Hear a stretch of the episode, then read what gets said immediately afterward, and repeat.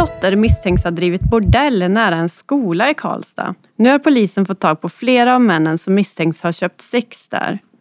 Förra veckan sköts en man i benet av polisen i Vålberg. Vad var det som hände? Och så mysteriet med de stulna designlamporna i Karlstad. En randig påse och en flaska Rosita blev centrala ledtrådar i fallet. Jag heter Caroline Englund och det här är NVT Krim, en podd om värmländska brott. Och här tar NVTs krimreportrar Åsa Asplid och Nicole de Borsan med dig som lyssnar bakom kulisserna i Värmlands undre värld. Det här är en podd om kriminalitet och brott men också om människoöden. Och jag hälsar välkommen till Nicole de Borsan och Åsa Asplid. Tack, tack, tack så mycket. Nu är det tredje gången vi sitter här. Börjar ni bli lite varma i kläderna nu eller? Ja, lite, lite varmare ja. i kläderna är vi. Eh, det är väldigt roligt. Det är mm. väldigt roligt att vi faktiskt har fått eh, en hel del lyssnare. Verkligen. Mm. Mycket spännande. Ja. Förra veckan så presenterade vi ju er Eh, och sen har ju ni främst tjatat på att jag också ska presentera mig. Ja, men det är ju självklart ja. att du ska göra det Caroline. Ja, men jag får väl göra det. Men, men jag har ju bott i Stockholm här de senaste åren. Men för bara några månader sedan så flyttade jag hem hit och började jobba här på NVT.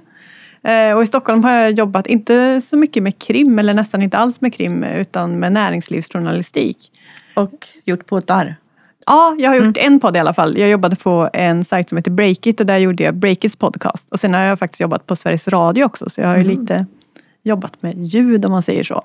Och du är Karlstadbo Precis. Ja, jag, innan jag flyttade till Stockholm så jobbade jag på Värmlands Folkblad. Mest som kommunreporter men också lite grann som krimreporter faktiskt. Så att jag mm. Har ju lite koll på den här värmländska undre världen. Så du är en av alla de här återvändarna som vi har skrivit ganska mycket om nu då? Precis, man, ja, ja mm. det stämmer. Det var allt om mig i alla fall. Nu tycker jag att vi kör igång med veckans podd. Vi har ganska mycket avhandla idag så eh, vi börjar direkt. I mitten av mars gjorde polisen ett stort tillslag mot en massagesalong som ligger intill en grundskola i Karlstad. Där misstänks en mamma och hennes dotter ha drivit en bordell där de alltså har tvingat unga tjejer att sälja sex. Åsa, du pratade ju med flera grannar i samband med det här tillslaget. Vad, vad sa grannarna? Ja, det, vi, vi ringde och pratade, både jag och Nicole faktiskt, med, med väldigt många av de som bodde i det här huset. Och Eh, det var ju många av dem som hade förstått att det nog var någon liten mystisk verksamhet som pågick i den här lokalen. De hade noterat att det framförallt bara var män som kom dit, ofta på alla tider på dygnet det, var, det är även en boende som har sett de här eh, kvinnorna som har jobbat på massagesalongen, hur de har anlänt till jobbet. De har alltid blivit skjutsade dit av män i väldigt dyra bilar. Beskrivs som amerikanska lyxbilar av senaste modell har de kommit dit. Snarare än att tagit cykeln till jobbet som kanske många vanliga människor gör.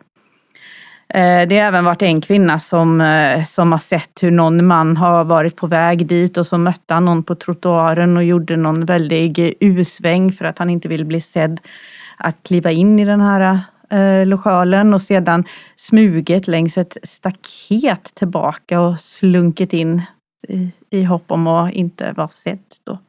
Mm, ja, det låter ju misstänkt. Men hur var det när polisen kom dit? Då? Vad, vad såg grannarna då? Ja, då var det ju en, en granne som såg att det kom flera, flera bussar, gråa bussar, kom och körde upp mot eh, den här lokalen. Men den ligger ju i stort sett bara tvärs över gatan från en stor grundskola. Så, så den här boende tänkte ju att ja, ja, men det är väl barnen som ska ut på utflykt så bussarna kommer för att hämta upp dem. Men blev ganska snabbt varse att det var inte alls fallet för eh, det, det klev ju ut ett stort antal poliser ur de här bussarna och eh, begav sig in i massagesalongen istället.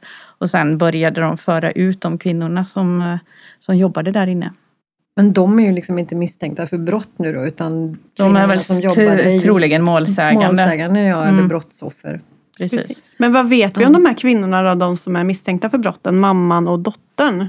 Och kvinnorna, ja mamman ja. kom ju hit från ett annat land då för några, ganska länge sedan va, till Sverige. Ja, för fem, med fem, sin drygt lilla 15 år sedan. Visst var dottern ganska liten då? Hon, hon eh, ja, dottern är, ju 30, dottern. dottern är ju 30 år och mamman är ja. 46 år. Mm. Eh, så mamman mm, har ju sedan dess gift om sig och bor på en ort eh, i västra Värmland och det var där hon greps också samma dag som det här tillslaget mot massagesalongen skedde. Men sen det är inte första gången som mamman är misstänkt för den här typen av brottslighet heller utan det var hon ju redan i, för ganska många år sedan i Göteborg men då den utredningen blev nedlagd. Men hon blev vräkt från sin eh, mass massagesalong som hon hade där i Göteborg då för att eh, ja, det stod ganska klart att det var oegentligheter som pågick där. Bland annat var det en polis då tror jag som gick dit och fick massage eh, i spaningssyfte mm. faktiskt. Så, mm.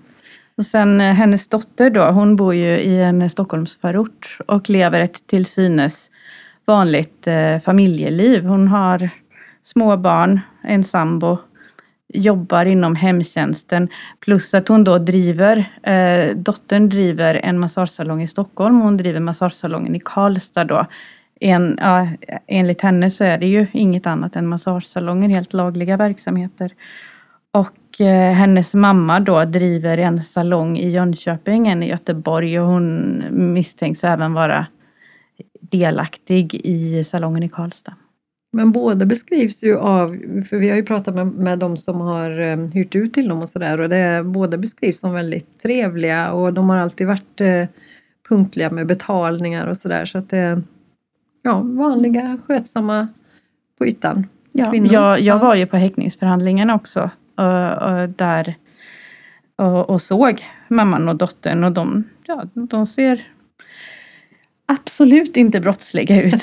De ser väldigt trevliga och söt på. Ja. Ja, men det tycker jag. Jag har inte varit på så många rättegångar men, men jag tycker att man blir ganska ofta förvånad för man tänker att eh, brottslingar ska se ut på ett visst ja, sätt och sen men, kommer en helt vanlig person. Mm. Det, men de, de ser ju inte ut på Nej. något visst sätt. Nej, de ser ju ut som men, dig och mig. På häktningsförhandlingar kan de ju ofta, ibland göra, när de kommer i häktets gröna kläder, då, då klär man ju ofta av dem deras egen identitet. Men på rättegång får de ju ofta eh, eh, klä upp sig lite i sina vanliga kläder, liksom civila. Men vad vet vi om de här brottsoffren då? De, de här eh, tjejerna som ska ha tvingats sälja sex? Ja, vi vet ju inte jättemycket om dem. De är, det är ju sekretess på vilka brottsoffren är. Men, eh, men du hade ju pratat med... Eh, Jag pratade med en mm. Eh, person i Jönköping som berättade att det syntes, eller det verkar som att det var olika unga flickor som var här kanske i tre, par tre månader i stöten. Hon, hon fick intrycket av att de var här då på något tillfälligt turistvisum och så åkte de tillbaka till sitt hemland och så ersattes de av nya då. Mm. Precis, men det var fyra stycken nu som ja, fanns som målsägande. De och det, det kan ju ha att göra med att det inte blir fler målsägande just för att många, måls, många potentiella brottsoffer kanske redan har lämnat landet. De är ju omöjliga och det tror jag inte ens att polis och lägger ner några resurser på att leta medverka upp. Nej. Ja, men sen har vi ju männen också. Polisen har ju sökt efter de misstänkta sexköparna den senaste månaden. Och, och idag fick du reda på, Åsa, att eh, de har hittat några misstänkta. Ja, men precis. Jag pratade med en polis på eh, den regionala människohandelsgruppen som, som håller i den här utredningen och eh, han berättade att de har ju jobbat ganska intensivt sedan Eh, Eh, tillslaget i mitten på mars med att kartlägga de personer som, eh, som har besökt de här olika salongerna, gått igenom kundregister och liknande. Och eh, med hjälp av det har man lyckats identifiera ett antal personer som, som har varit där och det har även lett till att ett flertal personer i framförallt Karlstad har blivit delgivna misstanke om köp av sexuell tjänst. Men än så länge vet vi inte riktigt vad det är för personer. Nej, nej, nej. Det är ju sekretess på dem också. Men ni har ju skrivit om sånt här ganska många gånger. Och om man tittar generellt sett, då, vad, vad är det för typ av män som, som köper sex? Det är ett ja. ganska vanligt brott faktiskt. Ja, det, och det är nog ganska vanliga män och människor som gör det också tror jag. Alltså, du skrev ju om den här myndighetschefen. Ja, en myndighetschef här i Karlstad som eh, efter jobbet, eh, ett möte på jobbet, åkte iväg till ett hotellrum och mm, där han köpte sex av en kvinna utan att veta att polisen väntade eller spanade utanför både när han gick in och när han kom ut. Eh, han, han fick ju böter på närmare 30 000 tror jag. Eh, och dessutom så hur är det nu? Jag kommer faktiskt inte ihåg om han har varit uppe i eh, personalansvarsnämnden än, men, men eh, han lär inte få behålla jobbet i alla fall. Men, men som ni säger, det är ganska vanliga personer. Det kan vara nästan vem som helst. Ja, Precis. faktiskt. Ja. Ja. De här kvinnorna då, de sitter ju fortfarande häktade och de förnekar brott. Och vi kommer att följa den här historien såklart. Och nu tycker jag att vi går vidare till nästa ämne. Förra veckan sköts en man i benet av polisen i Vålberg. Och det här var andra gången på bara ett halvår som polisen i Värmland avlossade ett skott mot en misstänkt. Vad var det som hände? Ja, det var ju en 48-årig man i det här fallet som, som ska ha haft någon typ av konflikt med eh, en annan person i det här bostadsområdet. Så, så grannar har ju hört hur de har stått och gormat och grälat under flera dagar innan det här skedde. Sen på måndags eftermiddagen så började den här 48-årige mannen även att kasta sten mot fönsterrutor i området. Då är det någon som har ringt polisen och larmat. Och polisen åkte dit i tron att det handlade om en skadegörelse. När de kommer till platsen så är den här mannen otroligt aggressiv och hotfull och dessutom beväpnad med en kniv. Eh, en kvinna som jag pratade med som bor nära och blev vittne till hela det här beskriver hur mannen har eh, ropat till polisen skjut mig då, skjut mig då. Och sedan så ska han även ha gjort utfall mot tre olika poliser på platsen vilket ledde till att de valde att skjuta honom i benet. Och det här är alltså andra gången då på ett halvår som polisen i Värmland skjuter en man i benet.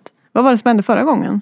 Ja, men då, egentligen har du ju skrivit mycket om det också Åsa, men det var i alla fall en yxbeväpnad man den gången som bröt sig in först hos en familj med hjälp av yxan väl? Ja, jag var ju hemma hos den här barnfamiljen ja. eh, kort efter att det här hade hänt. Och de, eh, de berättade ju då hur de mitt i natten, någon gång mellan tre och fyra på natten tror jag, vaknade av eh, att de hör glas som krossas och eh, höga dunsar.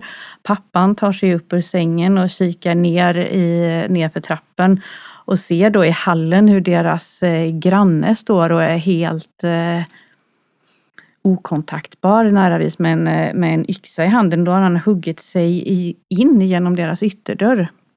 Eh, pappan i det här huset då lyckas tala den här grannen till rätta och får honom att lämna deras hus. Och sedan det måste jag ändå säga var en stor bedrift att lyckas med det. Ja, verkligen. Han känner ju den här mannen och vet att han eh, är lite labil i sitt uppträdande och har nog hanterat det här vid tidigare tillfällen. Eh, sen ringde de polisen, larmade återigen om en skadegörelse. Polisen åkte ut på en skadegörelse. När polisen kommer dit så kommer den här eh, hotfulla grannen då tillbaka, fortfarande med yxa i hand och ska ha gjort någon typ av utfall mot en av polismännen. Sedan retirerade mannen tillbaka in i sitt hus. Samtidigt så inser poliserna att det här är en eh, väldigt hotfull situation så de larmar dit den regionala insatsstyrkan som kommer till platsen och omringar hela huset. De kan då se genom fönstren hur den här 42-årige mannen då rör sig in i sin bostad och hur han hittar ett långt svärdsliknande föremål som han eh, beväpnar sig med. Sedan kommer han ut på farstukvisten och gör ganska omgående ett Eh, en rusning framåt den polis som står närmast samtidigt som han har svärdet höjt över huvudet. Och i det läget då så väljer då tre olika polismän att skjuta mot honom för att eh, stoppa honom. Var det han som spelade tysk hårdrock under det här? Ja, ja. på mobilen. Eh, samtidigt, och som ja. en polis kände igen så det står i, i förundersökningsprotokollet att det var tyska hårdrockaren Udo Mm. Ursäkta, jag vet inte hur man Nej. uttalar det. Som eh, spelade låten Warriors samtidigt som det här pågick då. Det, det måste ha varit otroligt dramatiskt faktiskt. För det var ju väl mitt inne i ett Ja, ja, det bostadsområde. Är ett. Ja. Om man ser till hela Sverige då, så händer det ungefär 15 gånger om året att polisen skjuter mot gärningsmän för att träffa. Eh, och nu har det här hänt två gånger på ett halvår i Värmland. Och sen har det varit en ganska stor debatt om hur ofta polisen använder sina vapen och så. Men, men vad tror ni det beror på att det har hänt eh, två gånger här i Värmland på så kort tid? Alltså det, det, kan ju vara lite av en slump också, att det går lite upp och ner mm. hur ofta sådana här händelser sker. Eh, sedan pratade jag med eh, den här 42-årige mannens försvarsadvokat i, i förra veckan faktiskt och eh, ställde just den här frågan till honom med, med tanke på att det alldeles nyligen då har varit ytterligare en polisskjutning. Och han sa väl att han upplevde att det, att det kändes som att det sker oftare idag än för några år sedan. Men han trodde väl inte att det var något specifikt för Värmland utan snarare att det har blivit våldet överlag har ökat i samhället. Mm. Precis, för polisen får ju använda sina vapen mm. i sådana här situationer, eller hur? Ja, det får de. Men hur gick det för de här männen som blev skjutna då? Ja, de har ju blivit skjutna i benen båda två då. Han som sköts eh, i förra veckan bara, han blev skjuten i låret och ligger fortfarande på sjukhuset nu då och ska genomgå operationer. Eh, han är häktad eh, misstänkt för försök till grovt våld mot tjänsteman men är häktad på sjukhuset då, eftersom han fortfarande kräver vård. Den här eh, 42-årige mannen som sköts i Grums i oktober förra året, han blev ju skjuten i båda benen. Och det, det, kan låta lite oskyldigt att få skador i benen men, men det är ganska omfattande skador och ett halvår nu efter att det inträffade så så kan han gå kortare sträckor med hjälp av en rullator och ska genomgå ytterligare operationer. Och vi följer såklart det här och ser vad som händer. Och nu kanske ni tror att podden är slut, men idag kommer vi bjuda på ytterligare en kort historia. Och den handlar om ett mysterium med några försvunna designlampor i Karlstad. Och jag tycker det här låter väldigt mycket som hämtat ur Lasse-Majas detektivbyrå. Det handlar nämligen om ett fastighetsbolag i Karlstad som hade förgyllt sin pampiga entré med ett par riktigt dyra designlampor. Eh, ja, danska designlampor var det och jag är inte jättebra på dansk design men Nicole, vad var det här för lampor? Det var lampor som heter PH Kotte. De är designade av eh, Paul Henningsen Eh, de till, föddes 1958 tror jag, så de är faktiskt riktiga designikoner. De ser ut som stora kottar av koppar, eller om de är, ibland är de vita också. Det finns väl nog andra färger med. Men eh, dyra som busen, eh, runt eh, 80-90 000 kanske för de större. Eh, så det är klart att de är ganska åtråvärda, både för samlare men tydligen också för för buset som fastighetschefen i, på det här bolaget sa till mig då, buset i Karlstad. Det är, det är ändå um, fascinerande att, att de känner till de här designlamporna. Ja, men det gjorde båda. Jag kan komma till det sen, för båda de som är misstänkta för att ha haft med det här att göra visste vad det var för lampor och att de var dyrbara och hade läst om dem i tidningen och sådär. Så att de hade koll på värdet, men samtidigt inte tillräckligt mycket koll för att, ha, för att behandla dem väl kan man Precis, säga. Precis, vi kommer ja. snart till det. Men de här lamporna de hängde alltså fyra meter upp i taket ja. eh, i en entré här i Karlstad. Mm. Och plötsligt så var de borta. Vad ja. var det som hade hänt? Ja, det var en anställd som kom till jobbet och upptäckte att det var något som inte stämde. det, på eh, en eh, bänk så stod det en blåvitrandig tygväska och i den låg det ett par, en pannlampa, en flaska Rosita eh, aperitif och ehm, eh, också ett par kalsonger. Eh, så ja, den här mannen han ringde polisen och de kom och tog den, den här kassen i beslag och då hittade man också ett kvitto i den. Och ehm, kvittot visade att någon hade handlat på Hagahallen så då var det ju liksom bara för polisen att traska dit och, och be att få se övervakningsfilm från tiden för när, när handlingen hade skett och då hittar man den här mannen Um, med Som väskan. Känd, känd av känd polisen? Av polis, känd av polisen. Och eh, inte bara att han var känd av polisen utan han hade också ett år tidigare varit misstänkt för att ha stulit lampor i exakt samma entré, exakt likadana lampor dessutom. Så det kändes ju som, ja, förundersökningen är packad och klar och bara att hämta in mannen och, och åtala honom. Men det, var, det gick inte. Alltså det gick inte att koppla mer än den där kassen med rositan och den hävdade mannen själv då att han hade glömt på stan efter att han hade handlat på Hagahallen och sen hade någon troligen placerat den där för att, att, äh, sätta dit honom. Och ja, de kunde inte, det fanns ett skoavtryck där i hallen som eh, polisen hade hittat men det matchade inte hans skor så att eh, ja, de fick släppa honom helt enkelt. Men eh, Nicole, du var där också? Jag var där, on Ja. location och pratade och eh, tittade. Alltså när man ser det, de, de måste verkligen ha slitit för att eh, jag vet inte ens hur man tar sig upp fyra meter upp i luften bara. Du kunde inte ställa en stege. Ja, det måste ha varit en trappstege alltså. Jag tror inte du Men en har... ganska hög trappstege. Ja, precis. Jag vet inte riktigt hur de har lyckats med det, men de, har, de kanske har en väldigt, väldigt lång avbitartång. Ja, Jag vet inte. Ja. Men de har i alla fall tagit sig därifrån med. Men det bör ju ha varit, de här lamporna är ganska stora, så jag tror att de har varit två i alla fall och så hjälps åt på något sätt och så och haft något fordon också. För det är ingenting man liksom... Det är ju, det är ju uppenbart planerat. Det är Ja. ju ingenting du slinker in i för att du ser Nej. att porten står öppen. Men den här mannen alltså att han har aldrig stulit någon kottelampa i hela sitt liv. Han har bara stulit lampor på Ikea sa han i förundersökningen. Så ja, som sagt. eh, Men han, fick han, ja, pre- han fick han, gå. han, han, han eh, Men de hittade lamporna sen? Men ja, sen så hittade de, när de gjorde en husrannsakan i ett helt annat ärende hos en helt annan, också ganska känd kriminell man, så hittade man de här kotte, eller två kottelampor. Det var fyra som Det är snoddes. två som fortfarande Ja. är borta.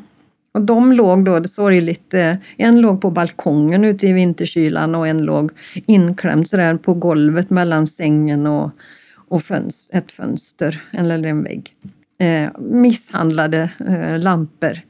Så bara skrot sa fastighetschefen att de var. Men, men som han ändå hade tänkt sälja för rätt Ja. rejält mycket För pengar. han sa att den här mannen, han nekar ju också till brott. Han är ju misstänkt och nu även åtalad för häleri. Eh, för det går inte att bevisa heller att det var han som stal dem. Men han sa att, att det var en väldigt märklig slump att eh, polisen hade kommit och hittat de där lamporna som han just hade tagit fram ur något lager i Grums. Ehm, men det var ju det att de hittade dem i väldigt nära anslutning då till den där stölden. Plus att lamporna var märkta med företagets namn. Så han kanske kan få lite svårt att krångla sig ur det där att det var häleri ändå. Men han skulle sälja dem, sa han, för 75 000 styck. Och han hade i sin tur, han hade köpt dem, sa han ärligt, av en man som jobbade, en herre som jobbade på kommunen, sa han. Intressant. Ja, Men finns det någon bild på de där lamporna? Ja, överallt eller på att säga. Men polisens Ja. förundersökning så finns ju bild på dem sargade. De för en, eh, en designälskare så kanske det är en sorglig syn för de är liksom, ja, in, vad heter det, innanmät, eller där som själva armaturen och så, den är borta och de här, det finns ju liksom fjäll eller vad heter Vi det en kanske kan, eh, lägga ut de bilderna på Absolut. Precis, jag tänkte det. Vi Ja. lägger dem. Vi har ju en Facebookgrupp som man gärna får gå med i och diskutera podden. Och där Mm. kan vi ju lägga ut sådär extra material som en Ja, bild på en sargad kottelampa till Ja. exempel. det Men- kan vi absolut göra. Det kan vi få till. Mm. Men, men jag tänkte, vad, vad säger fastighetsbolaget då? Har de gett Nej, upp det här, nu, de här nu ska lamporna de nu? eh, fräscha upp eh, sin entré plus att de ska väl, jag minns inte om man sa att de skulle säkra den också med lite film, eh, kanske kameror och ett bättre lås och så skulle jag tro. Men, blir det- inga mera, nej. inte en kotte till i, i deras entré. Det Nu blir det. Ikea. Det kan bli Ikea. Ja, okej. Ja, men Eller det, något annat märke. Tack för det, eh, den intressanta historien. Ja. Det, var, det här var nästan allt för oss. Men innan vi slutar så har Nicole något att berätta. Det har nämligen kommit lite ny information från Glava. Den här lilla orten med 200 invånare som vi pratade om i förra avsnittet som har varit utsatt för flera brott. Vi pratade då om ett misstänkt mord i Glava.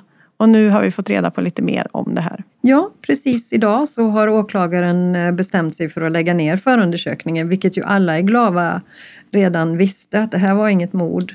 Men eh, det är helt enkelt så att nu har rättsmedicinsk, ehm, vad heter det, rättsläkare kommit med besked om att det går liksom inte riktigt att styrka vad, hur mannen dog helt enkelt. Och då finns det inte heller någon möjlighet för åklagaren att driva det som ett mord. Så ett brott mindre i Glava Ja. kan man säga. Precis. Bra! Och vi kommer följa alla de här historierna och berätta mer nästa vecka för nu tackar vi nämligen för oss. Men gå gärna in och prenumerera på den här podden så att du inte missar nästa avsnitt. Eh, Och glöm inte heller att tipsa en kompis om att lyssna. Eh, och sen har vi ju den här Facebookgruppen som vi pratade om förut som heter NVT podd och där kan du diskutera avsnitten, kolla på kottelampan eh, och komma med synpunkter. Du har alltså lyssnat på NVT Krim, en podd om värmländska brott. Och med i den här podden var Åsa Asplid och Nicole de Borsan som är reportrar på NVT. Jag som är programledare heter Caroline Englund. Ansvarig för ljudet är Karl Edlom. Ansvarig utgivare är Mikael Rotsten.